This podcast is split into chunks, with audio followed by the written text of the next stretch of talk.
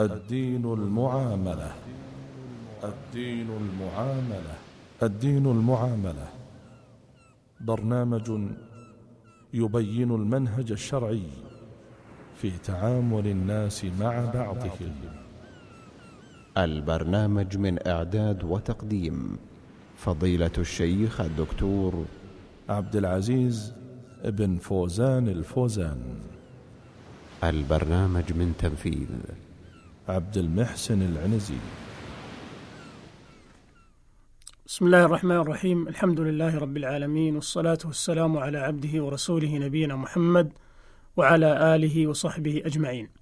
أحبتي في الله سلام الله عليكم ورحمته وبركاته. تحدثت في الحلقة الماضية عن بعض صور الظلم الشائعة بين الناس وانتهيت إلى الحديث عن ظلم ابتلي به كثير من الناس في هذا الزمن. ألا وهو منع الأجير أجره وحقه أو مماطلته في أدائه إياه وتأخيره عنه. ومن ذلك أيضا وهو شبيه به أخذ الديون من الناس مع العزم على عدم سدادها لهم. وهذا من البلايا التي ابتلي بها كثير من الناس اليوم. فركبتهم الديون للبنوك وشركات التقسيط ولأفراد الناس وربما كان بعض هؤلاء المستدينين لا ينوي لا ينوي سداد هذه الديون التي عليه ويتساهل بها خصوصا إذا كانت لجهات حكومية أو لبنوك أو شركات كبيرة. وهذا لا شك من أعظم أنواع الظلم ومن كبائر الذنوب بل قال نبينا صلى الله عليه وسلم من أخذ أموال الناس يريد أداءها أدى الله عنه. ومن أخذ أموال الناس يريد إتلافها أتلفه الله. من أخذ أموال الناس يريد أداءها أي أنه إنما استدان وألزم نفسه بهذا الدين لحاجته إليه وليس ترفا أو توسعا فيما لا ضرورة له. فإن الله عز وجل يعينه ما دام عازما على الأداء. أخذها فعلا للحاجة وهو عازم على الأداء فإن الله سبحانه يفتح له من أبواب الرزق والتوفيق والسعة والغنى ما يعينه على سداد دينه. ولو قدر أنه مات ولا زالت ذمته مشغولة فإن الله عز وجل يؤدي عنه يوم القيامة ويرضي صاحب الدين بالحسنات. لكن المصيبة في من يأخذ أموال الناس وهو عازم على إتلافها والعياذ بالله. فهذا كما قال النبي صلى الله عليه وسلم ومن أخذ أموال الناس يريد إتلافها أتلفه الله. أي أتلف دينه والعياذ بالله. فإن هذا من الظلم العظيم ومن أكل أموال الناس بالباطل وهو يأكل الحسنات ويذهب أجور الطاعات والقربات. كما أنه أيضا يتلف ماله فما دخل المال الحرام مالا وخالطه إلا عرضه للتلف والهلاك وسائر الآفات.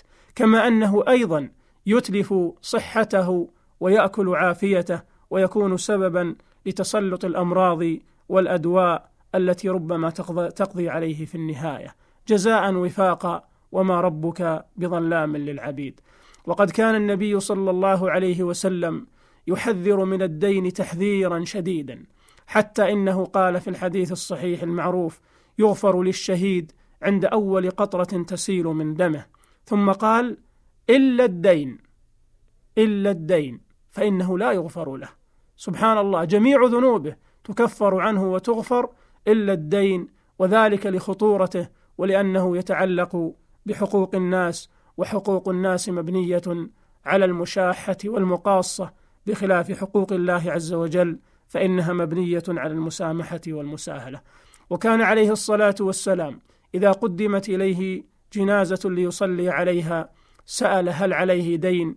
فإن قالوا نعم ترك الصلاة عليه وقال صلوا على صاحبكم وما امتنع عليه الصلاة والسلام عن الصلاة عليه مع فضل الصلاة وأيضا شدة حاجة هذا الميت لصلاة أكرم الخلق عليه الصلاة والسلام ودعواته مستجابة إلا ليبين للناس خطورة هذا الأمر ويحذرهم تحذيرا شديدا من التساهل في الدين ومن التساهل في أدائه وسداده إذا ابتلي الإنسان به.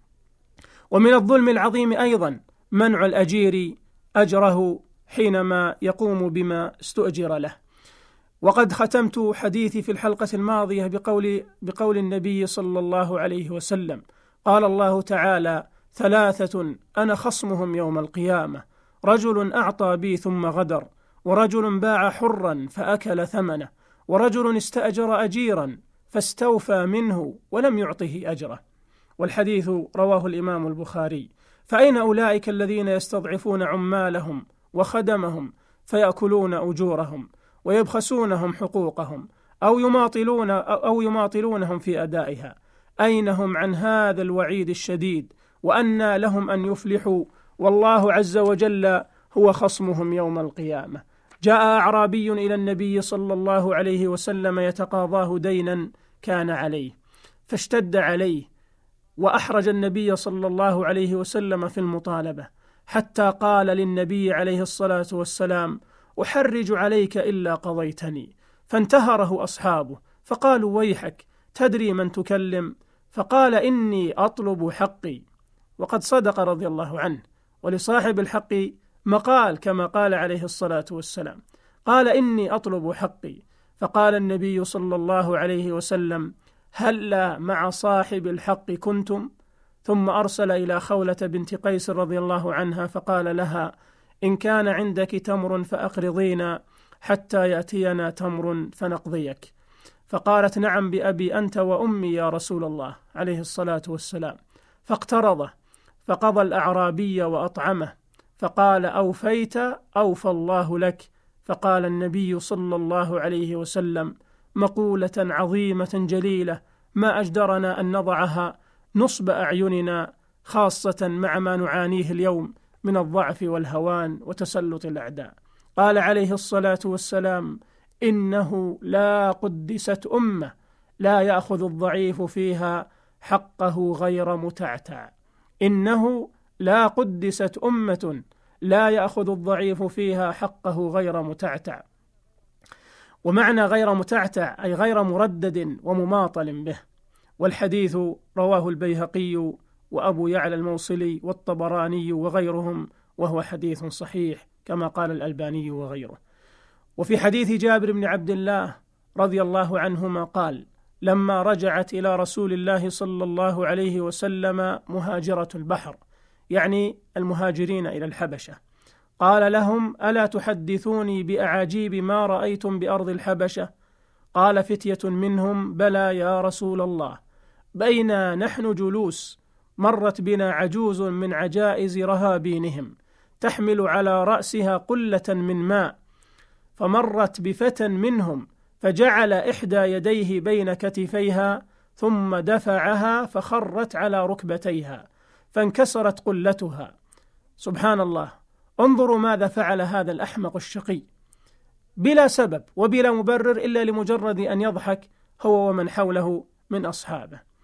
فانكسرت قلتها فلما ارتفعت التفتت إليه فقالت سوف تعلم يا غدر إذا وضع الله الكرسي وجمع الأولين والآخرين وتكلمت الأيدي والأرجل بما كانوا يكسبون فسوف تعلم كيف أمري وأمرك عنده غدا؟ الله أكبر. والله إنها لكلمات تقشعر لها الأبدان وترجف لها القلوب الحية خشية ورهبة.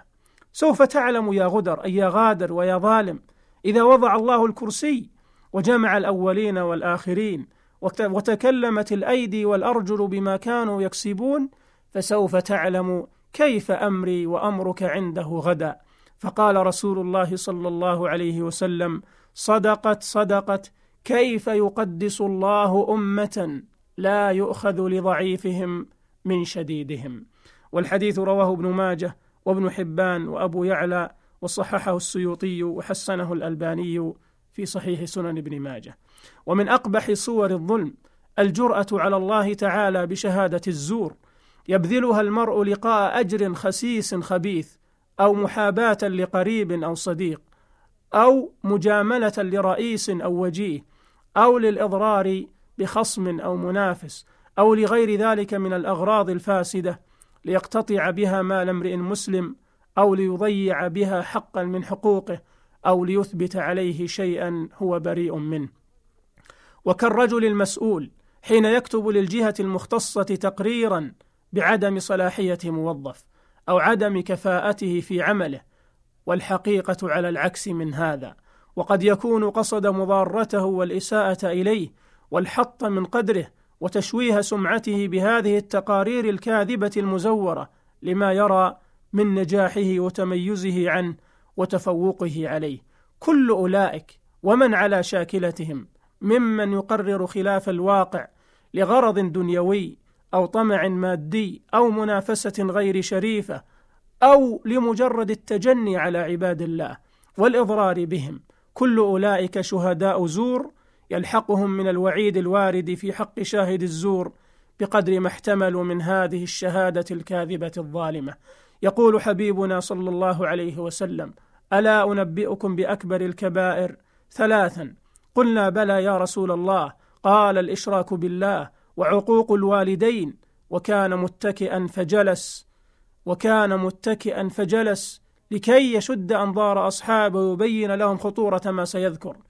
فقال ألا وقول الزور وشهادة الزور فما زال يكررها حتى قلنا ليته سكت والحديث رواه البخاري ومسلم.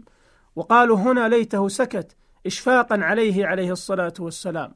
وكراهية لما يزعجه ويغضبه وجلوسه عليه الصلاة والسلام بعد أن كان متكئا وتكراره التحذير من قول الزور وشهادة الزور يدل على شناعة هذا الجرم وشدة قبحه ووجوب الحذر الشديد منه.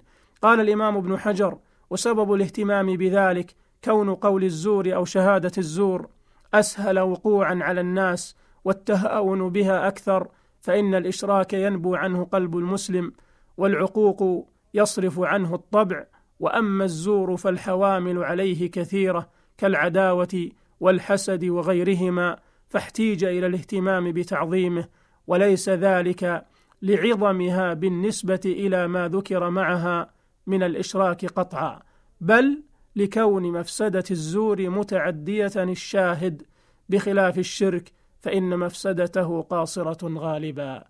وإلى لقاء في الحلقة القادمة بإذن الله. أستودعكم الله. والسلام عليكم ورحمة الله وبركاته.